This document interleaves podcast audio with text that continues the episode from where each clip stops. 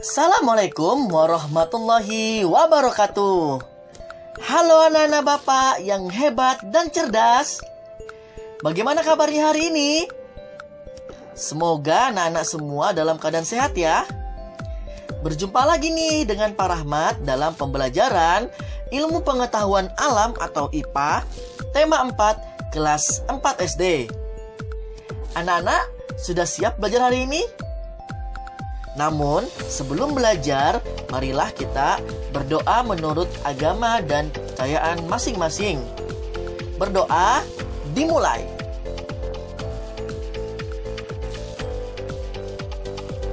Anak-anak Bapak yang hebat dan cerdas, sumber daya alam atau SDA adalah segala sesuatu yang berasal dari alam dan dimanfaatkan oleh manusia untuk melangsungkan kehidupan. Sumber daya alam anak-anak dapat kita bagi menjadi dua, yaitu yang dapat diperbarui, artinya dapat digunakan terus-menerus. Contohnya, ada sumber daya alam hayati, yaitu hewan dan tumbuhan, dan sumber daya alam non-hayati berupa air, udara, tanah. Yang kedua, Nana, ada sumber daya alam yang tidak dapat diperbarui. Artinya, jumlahnya terbatas. Yaitu, dalam bentuk energi ada batu bara dan minyak bumi. Dalam bentuk mineral logam ada nikel, emas, perak, seng, timah.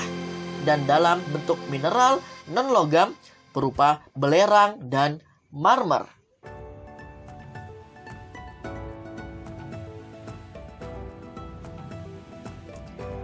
Anak-anak, dalam pekerjaan yang berkaitan dengan sumber daya alam, kita wajib memastikan kelestarian dan ketersediaan sumber daya alam tersebut agar tetap ada. Kita perlu menjaga agar alam tidak rusak dan menghemat penggunaannya. Beberapa pekerjaan anak-anak berhubungan dengan pemanfaatan sumber daya alam. Contohnya, perajin kayu menggunakan bahan kayu dari alam untuk membuat meja, kursi, dan lain-lain. Kemudian ada petani yang memanfaatkan tanaman atau tumbuhan yang menghasilkan padi, buah-buahan, sayur-sayuran.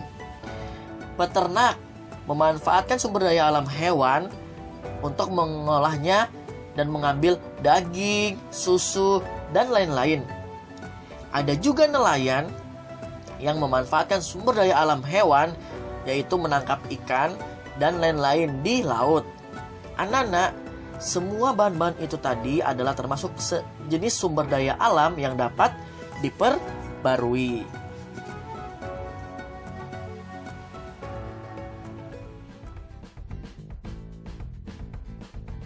Anak-anak Bapak yang hebat dan cerdas, salah satu sumber daya alam yang sering dimanfaatkan oleh manusia adalah hutan.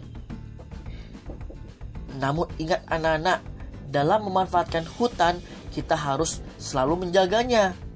Tidak bisa kita pungkiri anak-anak, hutan di bumi ini semakin berkurang. Padahal hutan adalah paru-paru dunia yang menghasilkan oksigen untuk kita bernapas. Akibat dari eksploitasi hutan yang berlebihan adalah satu, berkurangnya ketersediaan oksigen di muka bumi. Dua, meningkatnya suhu permukaan bumi atau global warming. Dan yang ketiga, rawan terjadi longsor dan banjir. Serta yang keempat adalah berkurangnya habitat dan sumber makanan bagi hewan.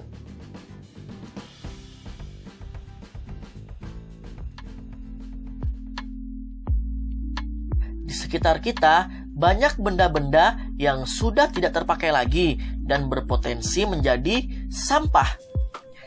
Barang bekas tersebut anak-anak dapat loh kita manfaatkan kembali dengan menerapkan 4R yaitu reuse, reduce, recycle, dan replace. Reuse adalah kegiatan menggunakan ulang barang-barang yang bisa kita gunakan Kemudian ada reduce, kita mengurangi barang-barang yang berpotensi menjadi sampah. Recycle, kita bisa mengolah bahan-bahan bekas tadi menjadi bernilai guna kembali dan replace, kita mengganti barang-barang yang berpotensi menjadi sampah menjadi barang-barang yang bisa kita gunakan berulang. Anak-anak yang hebat dan cerdas, ayo kita jawab pertanyaan berikut.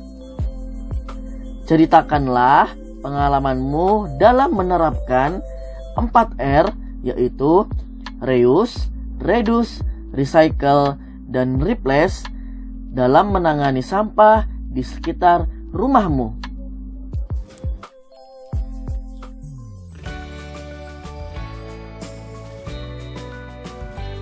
Anak-anak, dalam pembelajaran kali ini dapat kita simpulkan bahwa sumber daya alam adalah segala sesuatu yang berasal dari alam dan dimanfaatkan oleh manusia untuk melangsungkan kehidupan.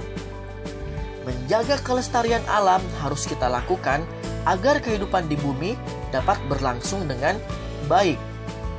Dalam pekerjaan yang berkaitan dengan sumber daya alam, kita wajib memastikan kelestarian dan ketersediaan sumber daya alam tersebut agar tetap ada. Kita perlu menjaga agar alam tidak rusak dan menghemat penggunaannya.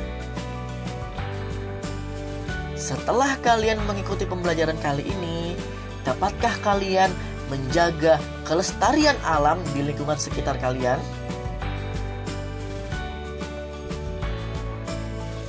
Anak-anak, setelah sampai di akhir pembelajaran, terima kasih banyak karena kalian masih bersemangat dalam mengikuti pembelajaran dengan Bapak. Bapak mohon maaf ya anak-anak apabila dalam penyampaian terdapat kesalahan dan kekurangan. Bapak nantikan kreativitas dan inovasi kalian yang keren-keren. Terima kasih anak-anak. Kita akhiri. Wassalamualaikum warahmatullahi wabarakatuh. SD Negeri 011 Balikpapan Tengah is the best.